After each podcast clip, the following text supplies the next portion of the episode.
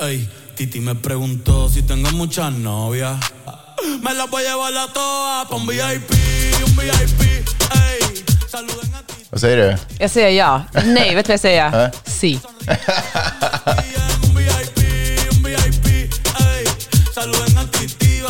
Vet du vem det är? Bad Bunny. Ja, hur visste du det? Jag har TikTok. Oj, ah, Det är faktiskt en av de artister som jag upptäckt bara genom TikTok. Fan, TikTok förstör eh, överraskningsmoment. Hör du, Bad Bunny är ju eh, sjukt intressant därför att det är ju egentligen, det är ju inte en allmänt, alltså, eller hur ska jag säga, det är klart att han är känd, men han är inte mainstream känd, om vi säger så. Eller är han det? Alltså, han sålde väl otroligt Ja, mycket fast förra reggaeton och den musikstilen han har är ju inte mainstream i västvärlden, eller? Ja, kanske, ja, kanske inte. Nej, men han eh, har ju gått över gränser. Ja, det har han också gjort. Men... Alltså, inte sådana gränser. Men, men det faktum att han ändå är den som har streamats mest under de senaste två åren. Så känd eller inte känd, uppskatt, alltså sådär vad vi än tycker, så är han just nu världens populäraste artist. Världens populäraste artist. Det är ju helt Det är sjukt. helt sjukt. Alltså för, för när jag tänker på världens populäraste artist, då ligger liksom Brad Pitt högre än Bad Bunny för mig. Alltså någon som inte ens gör musik. Nej, men, men som ändå bara liksom är Ja. ett större namn. Du vet, om Brad Pitt släpper en singel så tänker jag att det kommer vara... Men jag Ja. tycker det är så fascinerande den här tiden hur, för mig, en underground-person, för den här duden började på Soundcloud, typ, började droppa låtar. Och nu, två år senare, så... Han är alltså puertorican, han, för, han är en sån som Puerto Rico verkligen har slutit sig upp bakom, för han pratar mycket om eh, orättvisor och, och sånt genom musik. Eh, menar, alltså, jag tycker det är ett fascinerande fenomen. Han var ju här och spelade för inte så länge sedan. Hör du, Bad Bunny, det är väl ändå ett otroligt bra artistnamn? Det är ju ett otroligt bra artistnamn. Eh, Johnny Darko, den filmen. Ja. De vibesen får jag. Eh, men det kanske är för att ge någon av dem för mycket cred. Det kanske vet för att du är gammal. det kanske bara för att jag är gammal.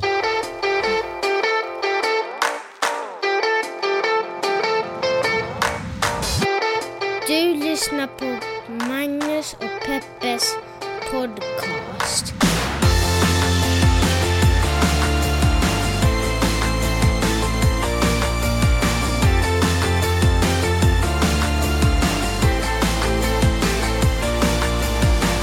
Japp, det stämmer. Magnus och Peppers podcast är det som är i era öron. Och eh, jag är Magnus i den eh, duon och eh, du är... Peppe. i den duon. Och eh, varje vecka försöker vi eh, ta er till ett innehåll som handlar om sånt som är riktigt... jag, kan inte, jag kan inte freestyla. Nej, du måste säga det. Hej, hjärtligt välkomna till podcasten som heter Magnus Peppers podcast. En liten podcast där vi pratar om stora och små händelser i världen och så gör vi det ur ett journalistiskt, feministiskt och mediagranskande perspektiv. Sjukt att jag typ tappat tro- att jag inte egentligen vet vad det är jag säger. Nej, du bara upprepar det, som du har hört i tio år. ett, trycker in ett telefonnummer eller en kod. Jag vet inte egentligen vad koden är eller Nej. telefonnumret. Jag bara har någon form av muskelminne. Hur är läget Peppe? Ja, men det är faktiskt bättre nu. Jag har varit ganska förkyld en tid. Mm. Och... eh, Alltså är förkyld egentligen någonting man drar upp och claimar när man frågar hur man mår? Får man ta upp förkylning som någonting som är riktigt? nej, men det, det är ju inte riktigt. Alltså jag tänker så här, det var, var, förkylning, det var riktigt på 80-talets glada dagar. För då fanns det ingenting annat att oroa sig för. Då var det, liksom, det var ungefär förkylning det som hände i ens liv när det var dåligt. Men nu är liksom världen fucked up. Du vet, Iran är det kaos i, folk försöker kämpa för överlevnad Ja. i Ukraina. Till och med ryssar börjar få... Alltså så här, det, det Alltså, var, man hade ju problem också på 80-talet. Det fanns ju krig som pågick då också och hungersnöd och så vidare. Jo, men, men vi som inte levde i den delen av världen, vi var ganska ovetande om vad som hände i den delen av världen. Och det var väldigt mycket lättare för oss att bortse från vad som hände Så i den sant. delen. Det enda vi såg var, ibland så kom det upp på Radiohjälpen på reklam på tv som bad oss att skicka in Sant. pengar till ett 90-nummer. Men det var basically det vi såg från den världen. Men kan vi säga så här att eh, nej, svaret på din fråga är nej, det ska man verkligen inte på något sätt ta upp att vara förkyld. Jag försöker verkligen trycka bort min förkylning också och tänka att om jag bara ignorerar den så försvinner den. Ja. Och nu har det gått en vecka och den är mycket bättre, så där ser man. Annars har vi ju surfat en del. Ja, du har inte fått ri? Har du ri? Jag rider ganska lite tyvärr. Ja, men Bara- du har surfat desto mer. Ja. Igår fick jag ett genombrott faktiskt. Det var skönt. För I jag, vad då? Ridning eller surfning? I surfning. Eller, eller mental hälsa? Nej, men jag känner att jag steg en nivå i min sur, mitt surfning. Det var, det var väldigt skönt för mig. Okej, berätta. Vad, är den, vad, vad klev du från till vad? Nej, men jag klev från att eh, jag, blev, jag blev bättre på att se exakt hur jag ska surfa, var jag ska svänga, hur jag ska nå den plats i vågen där jag ska vara på. Du, har- du, har, du har lärt, det är ungefär som när man, kommer, när man håller på att ta körkort. Och eh, när man kommer till punkten när man faktiskt ser vägen som man ska åka på, ungefär. Där är du nu, kan man säga. Ja, det där kändes som en, eh, en, en jättestor diss. Men eh, jag vill inte skapa dålig stämning här på den, så jag bara låter den flyga förbi mig. Ja, så det var ju trevligt. Sen eh, är min pappa här och hälsar på med sin fru. Jättetrevligt. Energiboost. Ja, vi har ju varit otroligt artiga och trevliga mot varandra. Och eh, ja, men det har varit en, en bra vecka, säger jag. Ja, vad roligt. Ja. Vad har du, vet du vad? Vad har du sett fram emot den här kommande, den närmsta dagarna, den här veckan? Men den här veckan ska vi åka upp till San Francisco och sen ta den här snygga vägen ner. Vi tar motorvägen upp och så åker vi ner längs med Highway 1. Det ser jag enormt mycket fram emot. Oss emellan ser jag inte supermycket fram emot San Francisco. Inte min favoritstad. Tycker den är överskattad. Förlåt alla som bor i San Francisco. Jag förstår att jag inte ser det ni ser. Alltså bor man där har man säkert... Jag tror att om man bor där så, man, så Ja. tror jag att det är lätt att älska den, men att bara hälsa på den, det är ingen Men som höjdare. turiststad är det verkligen ingen höjdare. Men det är fan inte New York, eller förlåt, det är inte LA heller. Nej, fair enough. Det verkar inte LA heller. Men eh, det ser jag fram emot. Så ska jag rida lite mer. Jag ska, det är halloween. Mm. Ta och promenera runt de där läskiga husen. Det finns en massa. Det är en bra vecka på kommande. Ja. Jag känner ju att jag borde klä ut mig till eh, någonting på halloween, men jag har inte löst det. Jaha, du har några timmar på dig att Jag lösa no- det. jag har några timmar på mig. I'm up for the challenge. Ska inte du och jag klä ut oss till exakt samma sak? Peppe, Det vore väl kul? Både Ted Lasso eller både hajar eller något eh, sånt. älskling, älskling. Eh, vi lever tillsammans, vi gör allting tillsammans. Om vi också klär ut oss till exakt samma sak, där måste jag dra gränsen. Det vore väl super. Nej, det är lite jag- av min dröm måste jag jag, känna. att- jag- jag drömmer om det Magnus, jag säger det nu. Men eh, keep the dream alive, men jag kommer... Nej, kommer, du dödar den. Jag kommer titta på vad du klär ut dig för att garantera att jag kommer ta någonting annat.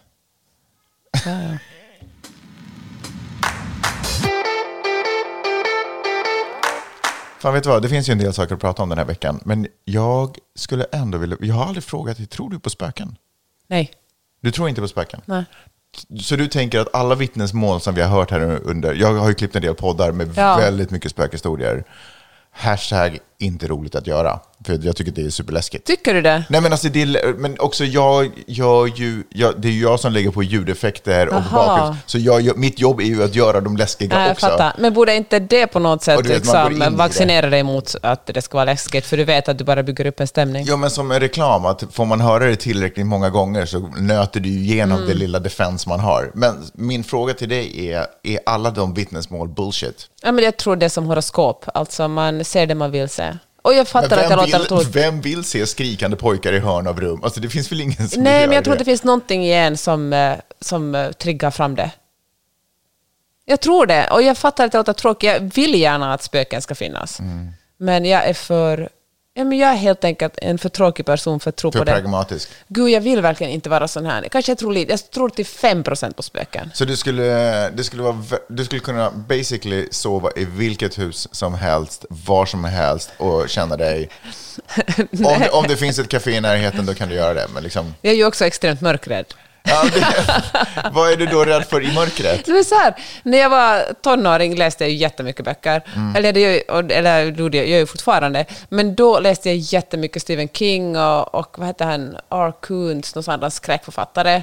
Och då på något sätt cementerade jag en, eh, ja men helt enkelt en bas av uh, mörkrädsla.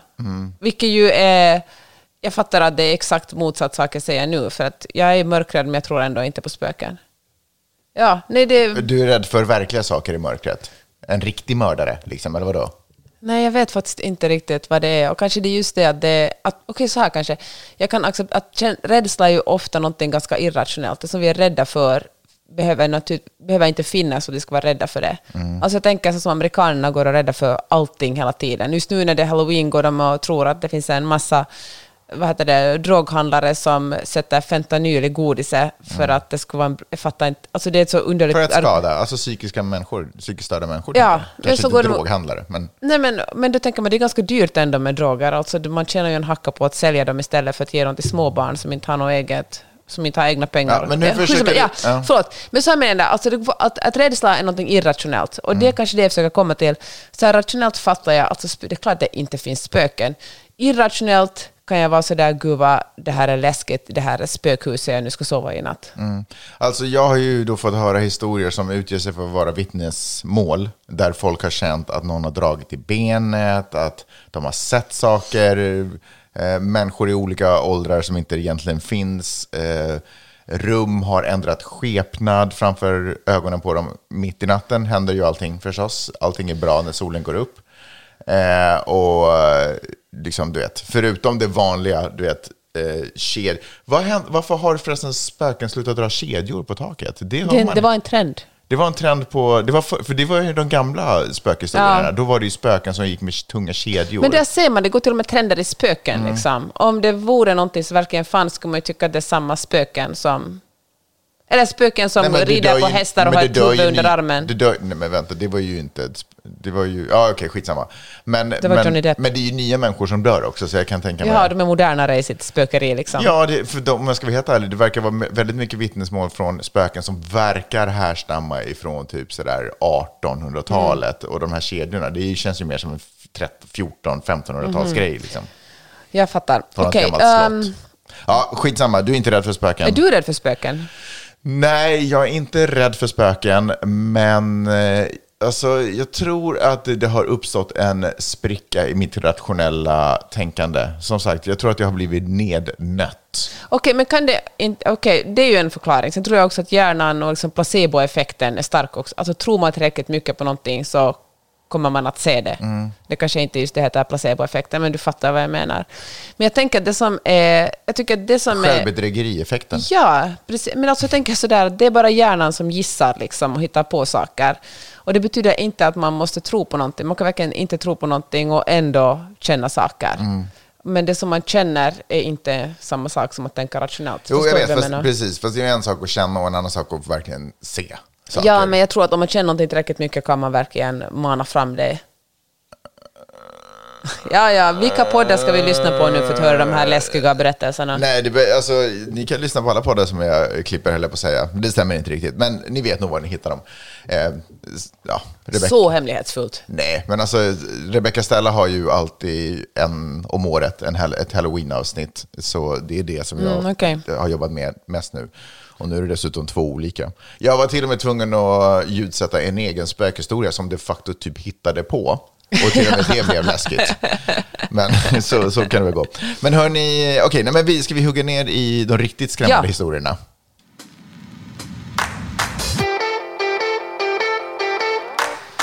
Vi, och när jag säger vi menar jag hela världens befolkning, Mm. utan att generalisera. Nej, men så här, människan blir olyckligare. Mm. Och eh, det finns en massa olika sätt att mäta det på. Det här var en text jag läste i New York Times. Men eh, det finns ju de här... eh, så att typ Finland är världens lyckligaste land varje år. Och då, och då kommer USA ganska långt ner på listan på grund av olika orsaker. Men det finns också andra sätt att, att mäta det på än just den här lycklighets... eh, diagrammen, vad man heter. Ja. Men till exempel har man kommit fram till att musik är ledsnare nu än för 20-30 år sedan. Alltså till och med en 10-15 år sedan. Alltså Taylor Swift som är en av de största artisterna ändå. Hennes sånger, som ett exempel, bara är mycket ledsnare nu än när hon började. Då skrev hon om ung kärlek och att man tror på kärleken. Och nu är det mycket mer om hämnd och att vara olycklig. Och eh, man har också undersökt tidningsrubriker som visar att tidningsrubrikerna är mycket mer eh, illavarslande och eh, hårdare och mer dramatiska nu än förr i tiden. Och, eh, och sen har man såklart också intervjuat en massa människor. Och eh, folk eh, mår sämre av olika orsaker, bland annat ensamhet. Det är ett jättestort problem och ett problem som växte ännu mer under pandemin eftersom folk isolerades. Så det är en förklaring till varför vi känner oss ledsnare nu. Men ett, en annan orsak är ekonomi. Och då kommer du kanske säga, men vad snackar du om? Alltså, okej, just nu är vi på väg in i en lågkonjunktur, men generellt de senaste 10-15 åren har det ju gått bättre för alla. Alltså, länder blir rikare, det finns... eh, Fatt, färre människor i fattigdom. Precis. Men det, samtidigt som det här har allt eh, färre blivit jätterika. När man säger att Kina har blivit rikare, vad vet jag, Ghana, Uganda, alltså de här, vilka som helst länder, så är det färre människor som har blivit jätterika än eh, folk som ska ha lyfts ur fattigdomen. Så även om de som är längst nere har fått lite mer, så har de som har haft, haft lite från början fått mycket mer. Och, och den här känslan Men det av... borde väl gjort dem lyckliga? Det borde väl påverka saker på ett bra sätt? Det ska man kunna tro, men tvärtom blir det så tydligt och det är en sån här känsla av att orättvisa, ojämlikhet. Och en känsla av ojämlikhet är någonting som gör folk väldigt olyckliga. Så de som inte har fått det där är ännu olyckligare Ja. för att de ser en massa andra människor få ännu mer. Precis. Och eh, Men är de tillräckligt många för att sätta, eh, för att påverka, alltså jag menar för att sätta tonen på statistiken? För det här är tydligen någonting som, eh, som har skett globalt. Mhm. Alltså ett fåtal har blivit jättemycket, trots att alla har fått lite mer, så har ett fåtal blivit jättemycket rikare. Alltså inkomstklyftorna är jättestörre. Och det har också lett, och det här leder i sin tur till populism. Folk känner sig frustrerade och arga och tycker att det är fel på systemet eftersom några skor sig på det men andra inte gör det. Och det leder till typ populistiska ledare, som till exempel Donald Trump eller Bolsonaro i Brasilien, eller, eh, eller men vilka som helst. Jimmy Åkesson i, i Sverige. Och eh, populism gör att samhället polariseras. Man liksom har svårare att se var, varför den andra sidan tycker som den tycker. Man kommer allt längre ifrån varandra.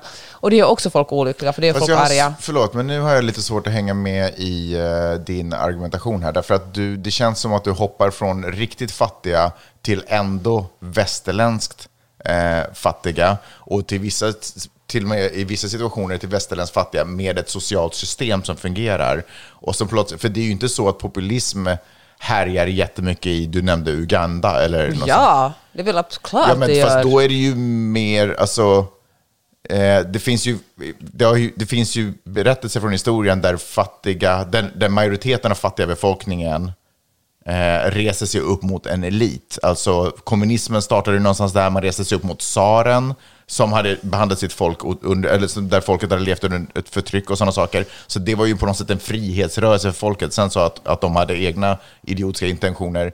Eh, samma sak på Kuba, också kommunismen då i och för sig. Det finns ju liksom fatt, revolution som reser sig upp mot en orättvisa. Men det är ju inte populism på samma sätt. Det är ju inte, populism är ju, tycker jag, men jag kanske har fel. Jag har inte kollat definitionen. Men det låter ju som att det riktar sig till folk som redan har det bra.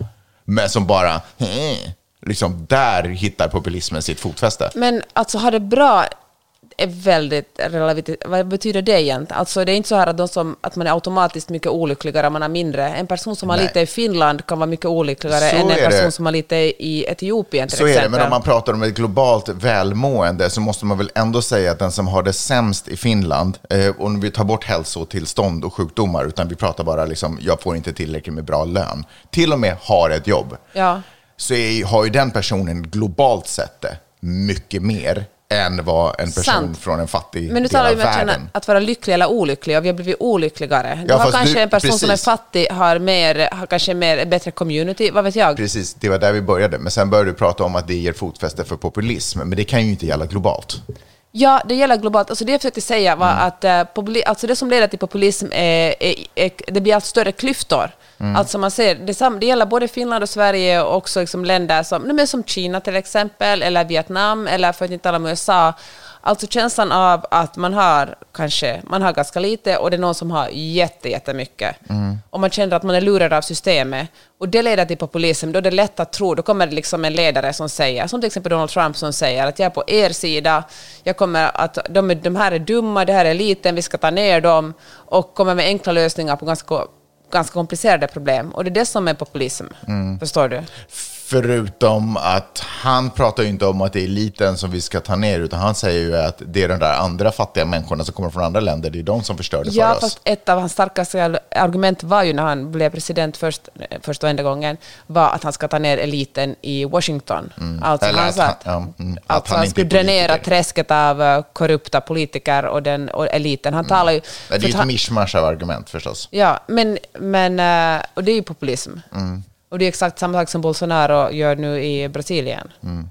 Och, eh, ja, men det var i alla fall de här deppiga nyheterna vill jag komma med, att vi är olyckligare nu än förr. Du, eh, men ja okej, så den undersökningen kan göras. Men jag tänker att jag tror att det skulle kunna gå att göra en studie som säger att vi är lyckligare nu än förr. Ja, säkert. Jag tänker att det är med vilket eh, förstoringsglas man synar och i vilka skrymslen man tittar ordentligt. För precis som du också in- inledde med så är det ju väldigt mycket saker som vi har som är mycket bättre.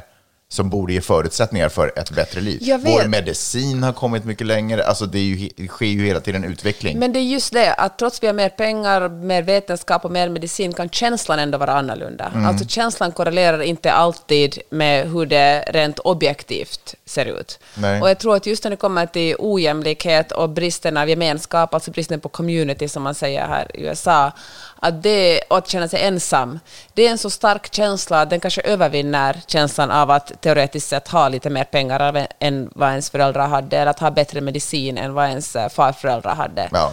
Men där tycker jag fan att människan får uh, fucking skylla sig själv. För om man har gått omkring och promotat att ensam är stark och jag ska ha egna följare, det är min lycka. eh, man är sin, e- om man har gått och promotat det i decennier, då blir man för fan ensam, därför att det är ju inte ett kollektivt tänk. Så there you have it. Liksom, då då är men, man hänger, där. men det hänger väl ihop också med någon slags extrem kapitalism att tänka så. Att eh, jag fixar mitt e- inte liksom, det är som, det är som att man talar om socialism som det värsta som finns i USA. Att USA är så här, de är så rädda för socialismen. Och socialism Mm. handlar väl lite om att vi tar hand om de svagaste och att alla måste komma upp till en viss nivå. Liksom. Det, är ju, det är ju en förklaring kanske till att folk är så olyckliga här. Eh, Jag tror att det absolut, eller det är klart att det hänger ihop med kapitalism, för jag tänker att en av de, eh, en av de eh, kanske inte en av de viktigaste sakerna, men en bra sak i kapitalism är ju att ha många enheter att sälja till. Mm. Så om alla går omkring och känner sig som individer så måste ju alla ha ett par av Ja, men någonting. exakt. Men om vi är en familj och delar på en väska, eller om vi är en familj och delar på någonting, så då... Eller en bil, eller en inte ens- gräsklippare. Var det till och med inte ens därför som man plötsligt började prata om familjer som mamma, pappa, barn på typ 50-60-talet? Det är ju ett ganska nytt fenomen, fenomen att det är en familjeenhet. Eh, för att då behöver man inte dela en mixer med mormor och den familjen, eller mormor och farfar och alla som Precis. kanske bodde under samma tak, eller vad fan, hur det nu var liksom uppstrukturerat. Så nu kunde man åtminstone börja sälja lite fler eh, ugnsplåtar och lite fler Och mixrar. nu har vi och- gått till liksom singelhushållen där det Ja. behövs ännu fler. Exakt. Istället för att vara två vuxna som bara en vuxen. Så nu splittrar vi upp familjen också, så att det är mamma ska ha en mixer nu och pappa ska splittrar vi upp Nej, familjen. men alltså sådär, det är ensam, ensam, då, då kommer sådana argumentationer och, och idiotiska målbilder som att ensam är stark. Däremot ur ett kvinnoperspektiv så är verkligen inte kärnfamiljen alls bra för kvinnor. Alltså, Nej, fast det är ju ett annat perspektiv. Precis, Verkligen. det är ju inte ur det ekonomiska perspektivet. Och Nej. du är också helt... eh, Eller klimatperspektivet. Men alltså kvinnor mår ju generellt sämre i heteroförhållanden än när de är ensamma. Ja, eh, jag tycker just det där, alltså jag stör mig så otroligt mycket på de här um, slogans som ska promota att allting är mycket bättre när man, är, när man bara har sig själv att eh, rå om. Som, och, och liksom också för att det ofta kommer med referenser till en ensam jägare ute i, i skogen. Eller, det, ingen människa överlever, alltså det, är det är verkligen få individer som överlever. Det är inte därför Bear det- Grylls gör det. Bear Grylls överlever ensam i skogen, men till och med där så tar ensamheten tag i dem.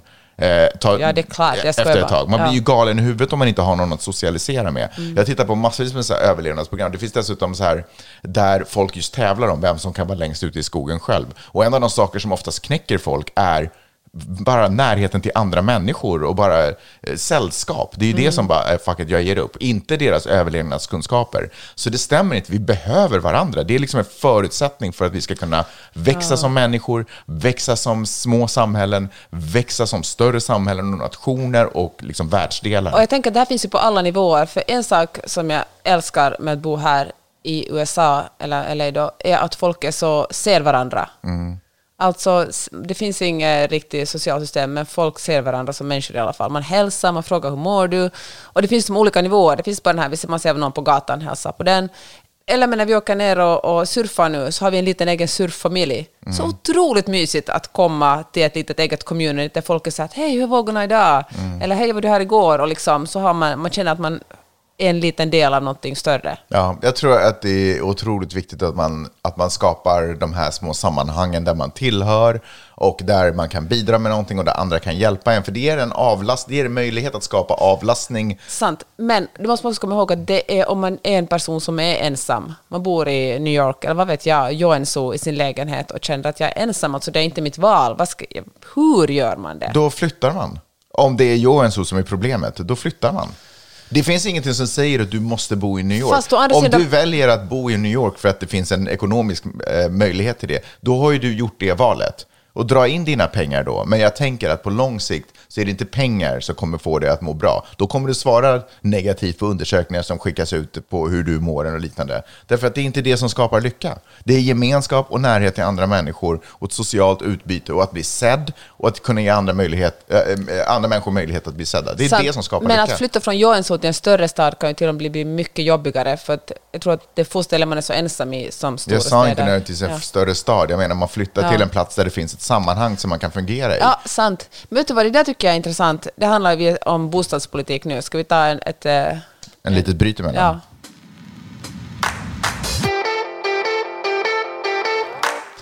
I USA är ju bostadskostnaderna jättehöga. Eller inte i USA, men i de stora städerna.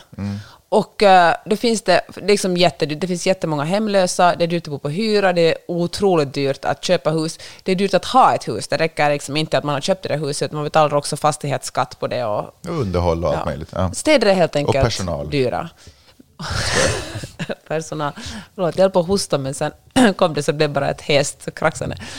Hur som helst, och då, finns, då kommer ett argument som ofta kommer fram är så att man flyttar till Indiana då i så fall, eller Ohio, där kan du köpa ett hus för 300 000 dollar liksom, och så kan du leva där. Men det finns ett problem med det, för som, som du sa i vårt förra segment Magnus, så att om man bor i en stad har man mycket större chans att tjäna pengar. Det här ens eh, karriär finns. Alltså att flytta till en, en liten håla någonstans på vischan, det är... Alltså, det finns inte samma sorts möjligheter än om du bor i LA, eller San Francisco, eller New York, eller Seattle, eller San Diego, eller de andra storstäderna. Miami till och med. Liksom. Det är ju här man har en chans att tjäna pengar för att kunna betala ett hus. Bor du i en liten håla kanske du inte ens har råd att köpa ett hus där eftersom det är så mycket svårare att eh, ja, men, ha ett jobb där. Ja, det, så är det ju. Men då låter man ju igen eh, kapitalism och marknadskrafter styra ens eget liv och tala om för en vad som är viktigt. Att det är viktigt att tjäna pengar så du kan ha ett hus, så du kan ha lite grejer och så du kan åka på semester. Men ingen av de här attributen innehåller ju så att du kan vara med andra människor, med din familj, med vän. Alltså inget av de säljargumenten pratar ju om de värdena. Men det beror ju också vilken nivå du är på. Att ha ekonomisk ångest gör ju en otroligt olycklig. Att leva med, under, med ekonomisk osäkerhet är ju väldigt, väldigt jobbigt. Det är ju en olycklig. Även om du har din familj i närheten. Mm. Har du, är känner du stress inför att kunna betala av på ditt lån eller din hyra varje månad? så är 100 du procent. Och vad jag än säger så kommer du kunna hitta sådär, ja men det här är förklaring och det här är förklaring. Jag bara menar att väldigt många beslut fattas utifrån ett ekonomiskt perspektiv. Och det är klart att vi alla behöver pengar. Jag lever ju också på jorden, jag fattar att vi behöver pengar. Men jag tycker att det är väldigt synd och jag tycker att det är anmärkningsvärt att väldigt få av de argument man använder för att göra och lösa situationer i sitt liv handlar om att vara nära andra människor. Och helt ärligt, ensamhet, fine. Okej, så vi lever i den här världen, vi behöver dra in pengar och jag måste ha det här huset och jag måste ha en fin tv. Eh, men man kan fortfarande, det finns ju fortfarande föreningar, det finns ju fortfarande andra sammanhang som man kan dyka in i. Och, bara, och även fast man kanske inte har ett intresse så kan man också skapa sig ett intresse. Alltså jag hade ju inte ett intresse av surf, men jag har skapat mig ett intresse av surf. Och då har det också dykt upp en, en community runt det som jag har en plats i och en del i. Så det finns ju också sätt att möta andra människor.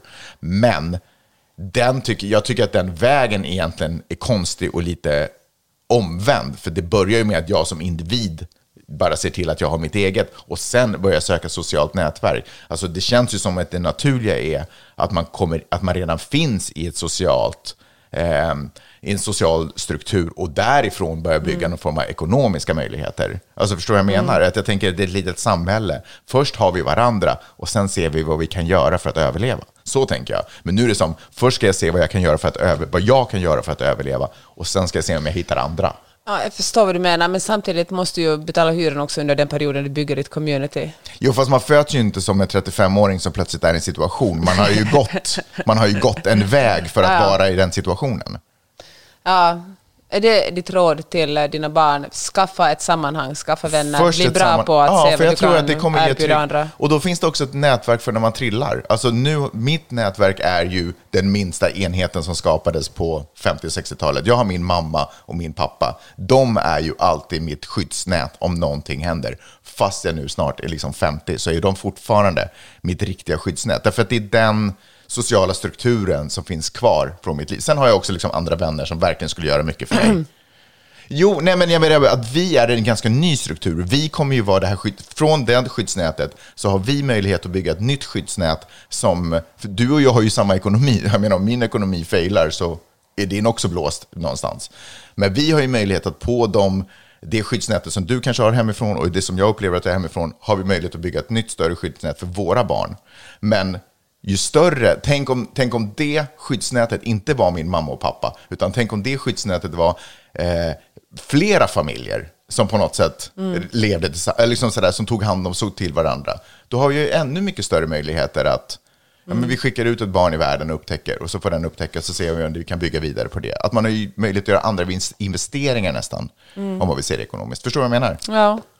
Ja. Alltså lite det gamla bondesamhället, alla hjälper till och alla hugger i och alla hjälper varandra. Det är ju det som har lagt grunden Sen för... har man pigor och drängar så jobbar mer eller mindre gratis. Nej, men jag förstår att det finns orättvisa. Nej, jag skojar bara. Jag fattar precis Jag bara vad du menar menar. att det är ju faktiskt det, de samhällena som har gjort det möjligt för att vi ska kunna ha den stadskulturen som vi har idag. Det är ju där det började. Det började ju inte med städer. Nej. Ja. Så känner jag.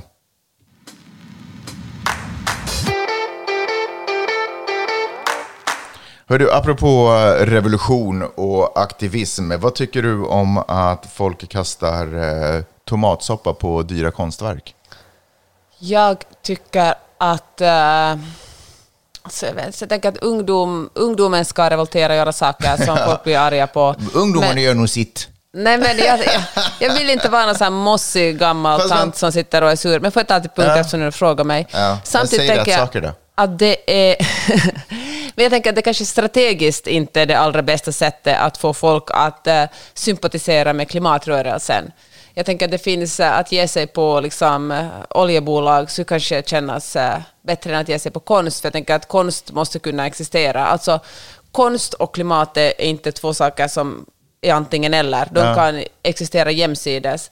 Däremot fossila bränslen och klimatet har svårt att existera jämsides. Mm. Så jag tänker att, att eh, det skulle måste vara logiskare om man skulle ge sig på någonting som faktiskt är är med motsats till eh, klimatkampen. Jag måste säga att jag har, det har ju pågått egentligen sedan i somras att, eh, att medlemmar ur en aktivistgrupp som heter Just Stop Oil eh, kliver in på museer och eh, vandaliserar eh, oersättliga konstverk. Och, jag, och för, min första tanke drogs till, eller min första association drogs ju till när Isis, när de, Ja. och, och det här är ju inte ovanligt, när de sprängde eh, de Buddhistiska här buddhistiska statyer. statyerna därför att det var ett hån. Och nu förstår jag, det är ju obviously inte samma sak.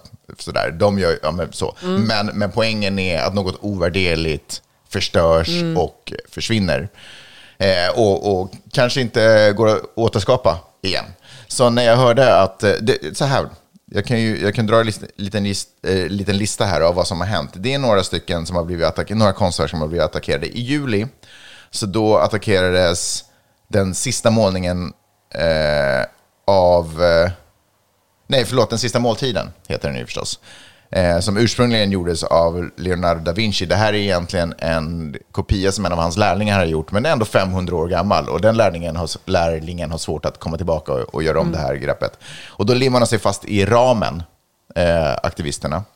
Eh, det andra var Mona Lisa som obviously är väldigt eh, skyddad. Eh, jag tror inte ens man kan skjuta den tavlan för att det är liksom skottsäkert eh, glas om man nu känner att man skulle sätta en kula där. Eh, den blev eh, tårtad. Eh, så. Sen så var det van Gogh. Eh, verket som jag tror på svenska översätts till solrosor. Den fick tomatsoppa eh, på sig. Och sen så fick en Monet.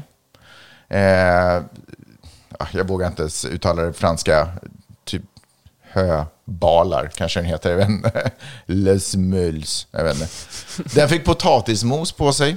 Eh, och, sen, ja, och, det, och det var liksom eh, de, de verken.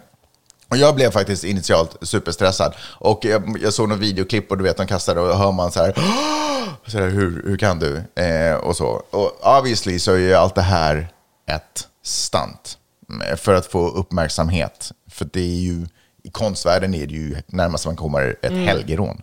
Men jag har ju kollat upp hur det faktiskt har gått med alla de här äh, verken. Och eh, den första, eh, den sista måltiden, den är os, eh, oskadd. Eh, där de limmar sig fast i ramen så måste det fixas Okej. och restaureras. Eh, Mona Lisa, obviously, som vi sa, bakom skottsäkert glas. Det finns ingen tårta som kommer förstöra det. Eh, och sen van Goghs tomatsoppa, där också. Själva verket är skyddat och ramen eh, behöver kanske ses, ses till lite. Eh, och sen Monet som fick potatismos, också där i själva tavlan bakom glas, så ingenting hä- hä- händer där heller. Eh, så det här är ju ganska tydligt utvalda konstverk som de vet inte kommer att ta skada, men man vill ha rubriken och man vill ha uppmärksamheten. Eh, och, så det kändes ju skönt. Och då, när jag läste det och förstod att det här är ju det är lugnt, så då kände jag då är det ju ett genialiskt trick att få pressens ögon mot sig och kunna sprida Men är kunskap. det verkligen det? För att alla gör ju inte samma research som du, Magnus, som fattar att de inte skadades, de här konstverken. Utan tvärtom, om man tror att klimatrörelsen.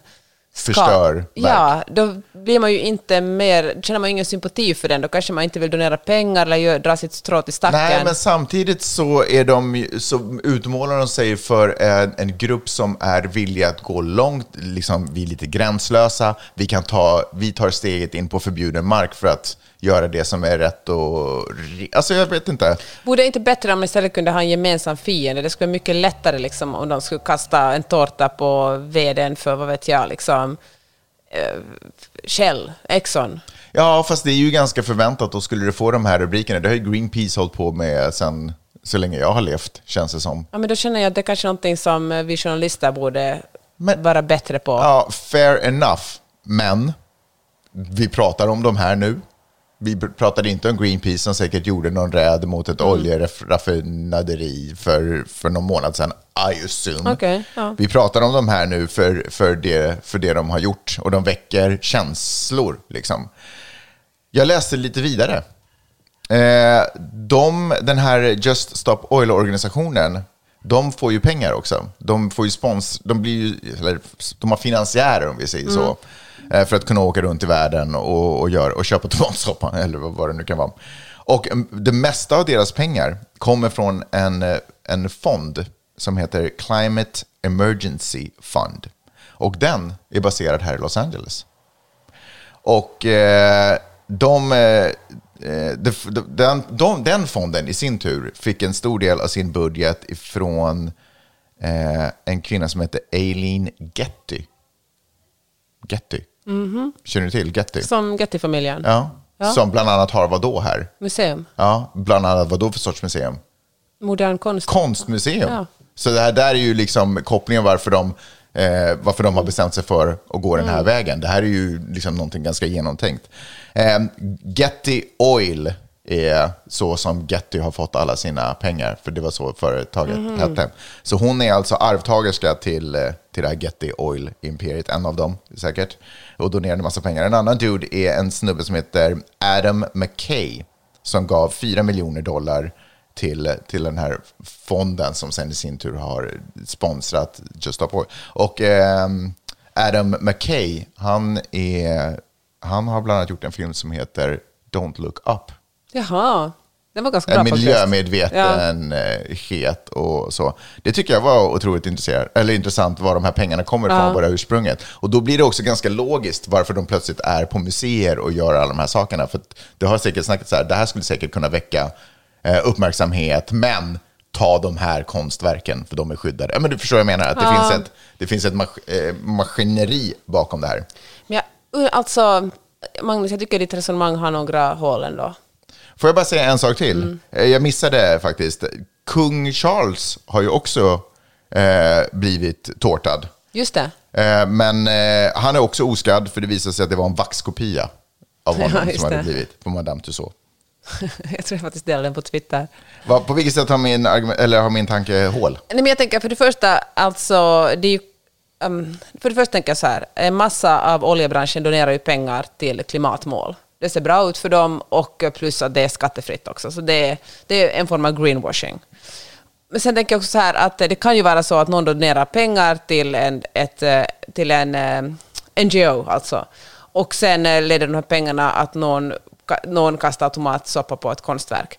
Men det är ganska sällan som donatorer sitter och pratar med aktivister. Alltså oftast donerar man pengar och sen har man inte så mycket, jättemycket egentligen att göra med vad som händer med de pengarna. Alltså, man donerar pengar och ja. Så jag menar, det, det Men nu är det ju nu, nu är det väl en, ändå en anmärkningsvärd koppling att peng, stor del av pengarna kommer från någon som jobbar inom konst och har... Och så plötsligt så sker attacker mot konstverk Ja, i men, världen. Alltså, menar du att, den, att hon vill att man ska... Att, att, jag fattar inte riktigt det ändå. Vad, är vadå, vad menar du? Att hon vill, för hon jobbar inom konst så tänker hon att allt som har med konst att göra får med folk att bli upprörda Ja, och det är det bästa exakt. för klimatet och därför, därför vill hon att, folk ska, att de här aktivisterna ska kasta potatismos på konstverk.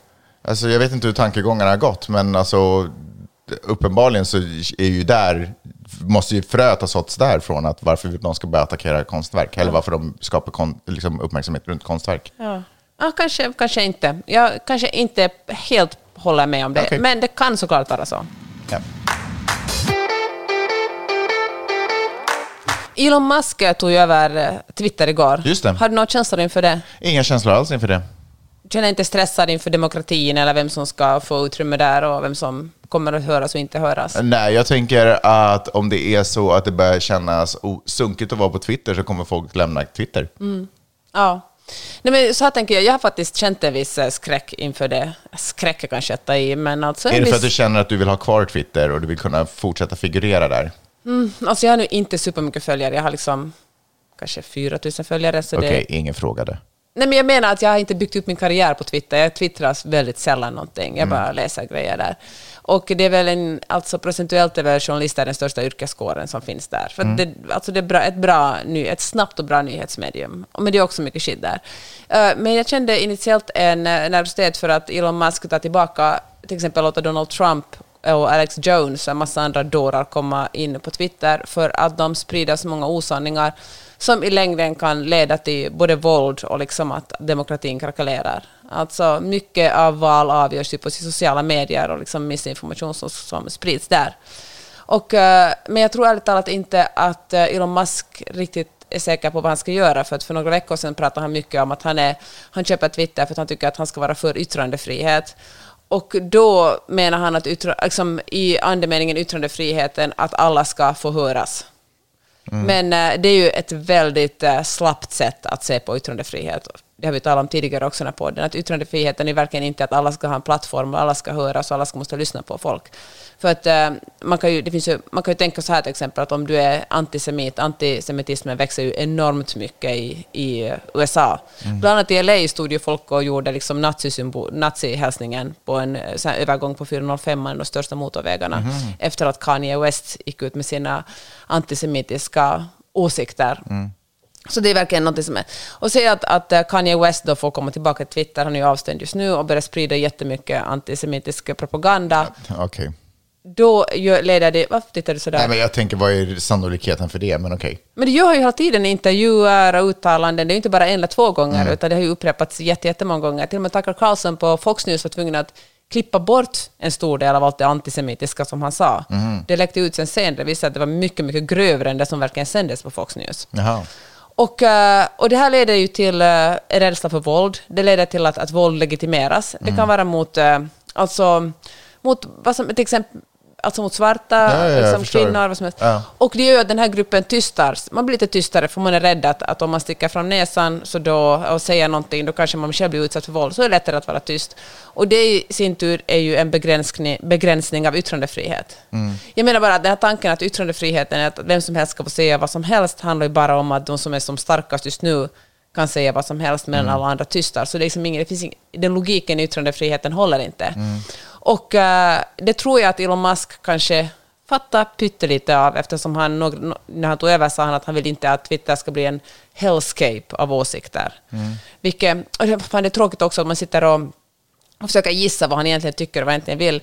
Men jag tycker att det är ganska viktigt att eh, följa med vad som händer här eftersom Twitter, trots att majoriteten, av- alltså Twitter är absolut inte den största sociala medien, men det är ändå ett socialt media som verkligen kan påverka jättemånga människor och eh, påverka val i längden. Men det kan ju bara påverka massa människor därför att det har den statusen som det har idag. Men om det blir ett Breitbart i korttextform, då tänker jag att då Nej. dör ju också trovärdigheten i det. Och då är det ju bara ett Breitbart som Ja. man inte refererar till längre. Exakt, eller till och med kanske Parler eller Truth Social eller Du någon annan jag social. Jag förstår. Ja. Men det jag tycker jag är en jättebra poäng. För att om man, eh, alltså blir det en massa, alltså n-ordet till exempel, samma Mm. dag som Elon Musk blev eh, VD, då steg användningen av n-ordet med 500 procent. Mm. Alltså folk bara, nu kan jag, skrev så här, nu kan jag äntligen få säga vad jag tycker, och sen spreds det. Mm. Alltså twittrade de det. Och det är ju få annonsörer som vill synas i ett sådant sammanhang. Precis. Så rent ekonomiskt är det ju liksom inte speciellt smart att ha ett, eh, ha ett socialt nätverk som är öppet för alla. Sen finns det såklart också såklart liksom, eh, nyanser här. Alltså, jag tänker att om Elon Musk låter Donald Trump komma tillbaka och sprida lögner där kan det ju verkligen påverka mellanårsvalet som är bara om några veckor nu i USA här och sen kanske också presidentvalet. Ja, men Trump har väl sin egen eh, som han inte... Truth Social, ja. Som ja. jag tänker att han ändå pushar hårt. Ja, men det går väl jättedåligt för det. Alltså, Ja, och vet du varför det går dåligt? Därför att jag tror att den här Ja. egentligen basgruppen inte är så stor och så stark som, eh, som man loss, liksom... För det som är på liksom Twitter och sådana här andra, där finns det ju liksom folk som också kan leka att man är aggressiv. Förstår du vad jag Mm. menar? Man kan tillåta sig själv att ha ha ha ha ha. Och då känns det som att det är support, men de skulle aldrig betala till exempel för någonting extremt eller, Mm. eller liksom gå den vägen. Men med det sagt så kan man ju också gnugga folk tillräckligt länge så att de trillar över. Så fair enough. Jag tror bara att eh, social, sociala medieplattformar inte är byggda av sten och liksom berg, utan de står på ganska skröplig mark. De står på trovärdigheten av de användarna som är där. Facebook har ju fått sig en otroligt hörn och jag tror till stor del av att, wait, jag kan inte, kan inte lita på det som kommer här. Okej, men då kanske jag måste söka mig och ägna st- Och jag pallar inte hålla på att vara på massa olika plattformar, så då väljer jag hellre en annan som känns seriös och liksom bra. Instagram har ju också liksom, stora problem, samma grupp i och för sig, men har ju också stora problem därför att det är så här, men det här känns ju inte liksom schysst och rättvist mot mig som användare eller kreatör eller vad jag nu tycker att jag är på de här plattform- plattformarna. Och jag tror att Twitter absolut eh, kommer dra- drabbas av ett downfall om det skulle vara så. Att vem som helst börjar släppas in. Och det kommer ge möjlighet för någon annan plattform att ta de andelarna, att kliva in som seriösa. Ja, men uh, för en gång skulle man hålla med dig. Ja, det är sant som du säger. Sen finns det såklart också som sagt nyanser där. Alltså, det, det är inte nattsvart eller det kan ju vara att uh, alltså, det finns något mellanting. Det är det Twitter inte dör, men det blir någon slags uh, halvpålitlig, halvopålitlig. Men jag tänker också att det är svårt att, det fanns svårt också att byta socialt nätverk. Jag tror att man börjar med att vara inaktiv, så som i Facebook till exempel, som då förlorar användare för första gången någonsin. Det kan i och för sig också bero på att jag tänker att en viss sorts sociala medier har en viss livstid. Alltså, det handlar inte bara om att man, alltså, man går vidare själv. Man ork, det som, även om det var hölls som status quo så tror jag att man bara tröttnar på ett visst sorts format. Eller så, Fast där måste jag ändå säga, du, var på väg att säga att jag tror att det är svårt för folk att byta plattform. Det tror jag fan inte. Alltså, jag, människor är inte så lojala. Eh, så att det, jag tror att det är Nej. annorlunda med liksom en tv-kanal. Men- ja. Men, men eh, där är det så här, jag är den typen. Jag är Men- en Fox-användare. Ja, det tror jag också, för det handlar om ideologi, det Ja. handlar om känslor. Men jag tror att sociala medier tror jag att man är ganska lat. Alltså, att börja lära sig, hur aktiv är du på, på TikTok till exempel? Nej, inte ett eh, dugg aktiv. Men det är för att jag inte riktigt heller till 100% köper det innehållet som... Nej. Alltså jag är inte underhållen av innehållet. Därför är jag Nej. inte heller aktiv. Jag är mycket mer underhållen av innehållet på, på Insta. Så därför så är jag aktivare där och tycker att det är en roligare plattform Ja. för mig. Men så här, alltså jag... ehm, det finns ju en gräns där om TikTok börjar liksom, om jag börjar få rasistiska, du vet, reklamgrejer, eller vad fasiken nu kan vara, och det börjar kännas som att det här företaget, eller inte ens företaget, eh, utan den här plattformens eh, ideologi stämmer inte, eller går i clinch rent av med min egen, då är jag ju inte så bunden till det att jag måste vara kvar. Förstår du vad jag menar? Ja, Twitter har ju funkat för mig, fast jag inte använt, för att jag har upplevt att det, är någorlunda sunda värderingar. Det finns någon som har ett öga på. Men om det ändras, så då är jag ju inte en del av den klubben mer. De har ju ändrats. Jag fattar vad du menar. Alltså, jag tycker det finns många olika aspekter där. Ett är det ju det att om man har byggt upp en, om man liksom livnär sig lite på ett visst socialt medium. Alltså om man livnär sig på Instagram och så märker man att jag får inga... Om man är influencer, ja, 100%. Ja, Ja, då eller- är man ju körd. Eller liksom, ja, kanske det, ja, då, man ju, och då måste man ju flytta. Men jag tänker också vanliga människor, fan det är lite bökigt att plötsligt börja producera någonting på Men TikTok om man är- van att vara på Facebook. Jo, alltså, eller ju, Snap, men- eller liksom... Men man måste inte heller producera in. Alltså, Nej. Om det inte är ditt jobb. Men det där är samma sak. Om jag jobbar på, inte vet jag, fucking ICA. Och sen så kommer det fram att, de är att det är nynazistisk ledning. Ja, det är klart att det är mäckigt att skaffa ett nytt jobb. Men alltså, vadå? Det så här är det ju. Alltså, jag kan ju inte... Alltså, ska, jag jobba, ska jag jobba för det nynazistiska partiet bara för att jag inte orkar hitta en ny arbetsplats? Okej, om du är influencer så Ja, fattar jag. Och, och hur många på riktigt är influencers? Alltså, då, bara för att man publicerar bild ibland då och då, det är inte, då är man ju inte influencer. Alltså, det är ju ditt fotoalbum. Ja. Fucking bara spara bilderna någon annanstans. Ja. ja, ja, alltså, ja, kanske det. Jag eh, försöker i alla fall vara en människa som, eh, försö- som eh, tar mig an lite nya sociala medier eftersom jag är rädd för att om jag inte gör det så då kommer det bli, ja men eh, då kommer jag att eh, tappa farten och helt halka efter och så, ja, så är jag en boomer på Facebook liksom. Jag förstår. Men, jag eh, känner mig ganska trygg, för att jag, jag känner så här, jag kan klippa ljud, jag kan klippa video, och det är basically det. Sen är det bara plattformar, whatever, liksom Mm. där det landar. Det spelar inte så stor roll. Sen förstår jag att det kanske är lite ton, det är lite tempo, och det är lite sådär, det är trender i hur, hur det kommuniceras liksom.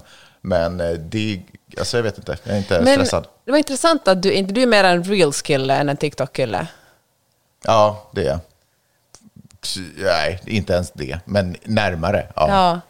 Nej, alltså för TikTok är ju verkligen det som växer mest och det som folk verkligen uh, dras mot allra mest just nu. Det är den enda sociala medier som verkligen går bra för. Det kom en undersökning bara för några veckor sedan i USA som visar att det går dåligt för typ alla andra. Ja. Men alltså, jag, jag kan känna för mig fortfarande är det sjukt oklart varför jag överhuvudtaget publicerar någonting på Instagram. Alltså Ja. jag har inte riktigt förstått varför jag gör det. Jag på något sätt Men gör du blir det. ju glad när du får fler följare. Ja, men det är ju en idiotisk inställning. Alltså vad är det för skit? Alltså jag, det, det är inte, alltså... Jag kan säga att en stor del, inte en stor, men en del av mitt jobb finns på Instagram. Alltså att jag har många följare gör att jag får fler uppdrag av olika sorter. Ja. Så det, för mig är det absolut en, en, en del av mitt jobb. Det finns någonting i mig fortfarande från, och jag tror att det kommer från min tid från radion, det finns någon känsla i mig att jag, inte att jag känner att det förväntas av mig, men jag vill bjuda på, för jag tror, jag lever i villfarelsen kanske, eller illusionen om att jag tror att det finns någon där ute som är lite nyfiken på hur, hur det går eller vad man gör eller hur livet ser ut. Alltså jag är ju inte någon som har följare för bara oj, jag ska bli inspirerad av någonting egentligen. Utan det är mer bara så här, ja, ah, det är det han gör. Och därför känner jag också att det är så här, därför, blir, därför har jag en väldigt konstig relation till mitt Insta, vad jag ska publicera, därför att jag upplever att jag gör ganska samma saker varje dag. Eh, och då blir det konstigt att så där, varje dag fortsätta bara, ja, Du har en nisch, Magnus. det är fortfarande det här jag gör. Liksom. Så Men hör du- ni kan komma tillbaka om ett halvår, då kanske det har ändrats. Får jag från sociala medier slå ett slag för bloggen? Ja. Bloggen är ju ens egen. Sociala medier är ju som de är. Liksom. Fan, plötsligt så blir... Jag får till exempel jättemycket bantningsreklam på Instagram. Mm. För att antagligen är jag i den åldersgruppen där de, alltså jag är kvinnor som Jag vill märker banta. att du inte har hakat på någon av dem. ja, jag är stolt över det. Och, eh, nej men, eh, och jag tänker att bloggen är ens egen. Oberoende vad som händer, om Elon Musk tar över liksom någon, om man inte vill vara där längre, kan man i alla fall fortfar- fortsätta skriva vad man tycker på bloggen. Ja. Det är ju det som man alltid kan backa tillbaka till. Jag tycker det egentligen är jättekonstigt att det inte är fler människor bloggar. Varför det? Ja. För jag skulle vilja slå ett slag för en annan sak. Eh, två saker, nämligen eh, dagboken.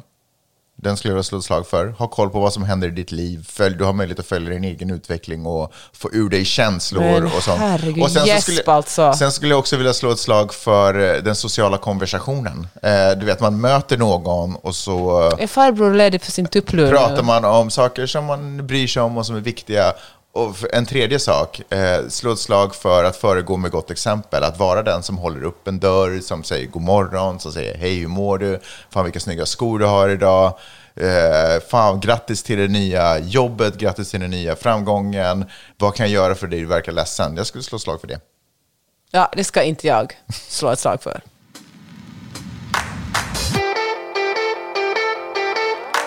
Jag skulle slå ett slag för den här podden. Tack för att ni har lyssnat. Jag kan säga en, en glad nyhet Ja. innan vi avslutar. Istället för med sån dålig stämning som det just blev. Det hade ju, jag hade ju ett kärleksbudskap. Jag jag är den här poddens fucking Jesus. Typ ja. Nej men så här, alltså för fem år sedan så... Du är den här poddens Herodes. Vad är det här för jävla bibliska... Vår son förresten blev erbjuden att gå i kyrkan i morse men han tackade nej. Tackar nej? Ja, han stannade hemma istället. Hos dem? Ja. Medan de drog? Jag menar, hans kompis, han hade en sleepover och hans kompis drog till kyrkan. Men Och bad föll inte med? Nej. Det var dåligt. Det ska jag ta ett snack med honom. Klart man måste gå. Okej, en gång kanske. Strunt samma, behöver inte ta den diskussionen inför alla andra här. Men det vill säga att nu fem år sedan, då ritar man upp väldigt mörka framtidsscenarier för klimatet. Man bara, det kan vara så här att om hundra år så har temperaturen stigit med fem grader och det är åt helvete. Och nu visar det sig att det, har, alltså, det går fortfarande åt helvete, men inte lika mycket åt helvete som vi trodde då. Utan eh, man har, framtiden är lite ljusare och det handlar mycket om att det var sån panik för fem år sedan, att vi verkligen satte igång vissa, alltså vi satsar mer på alltså handlingar som gör att, att ett hållbarare klimat. Ja, tack Greta Thunberg. Ja men verkligen. Så det, jag tänker att den här nyheten är fin för att det visar att det vi gör är inte förgäves. Vad har, har du något konkret exempel på någonting som har blivit kul? Uh, New York Times skrev ett exempel om solenergin har blivit mycket, mycket bättre. Det har man alltså, ja. Ja, men- man använder sig mer av det. Det, Ja, det har vi ju själva funderat på att investera i. Ja. Och jag tänker att alltid när man själv känner en tanke att det här borde man kanske göra, då man är ju inte jätteunik som individ, utan Nej. då är det också en massa andra människor som tänker på samma sätt. Mm. Så det är, så man får en god tanke, det ska man vara glad. Det Det är betyder ju att det, superroligt. Så jorden mår jättelite bättre, eh, Ja. medan eh, människorna på jorden mår jättelite sämre. Ja, måste För du dra upp det här? Nej, men för så här är det. Alltså, ibland krävs det en liten uppoffring och det kanske inte är jättekul och det kanske suger, men på det stora hela kanske det är för en bra sak. Rör vi oss mot bättre tider? Ja, så rör vi oss mot bättre tider. Och när vi har fått ordning på de bättre tiderna, då kommer nog humöret komma med det också. Bra, Jesus. Så, ibland måste man jobba för att ha kul. Vi hörs nästa vecka. Ha det så bra! Hej då! Hej!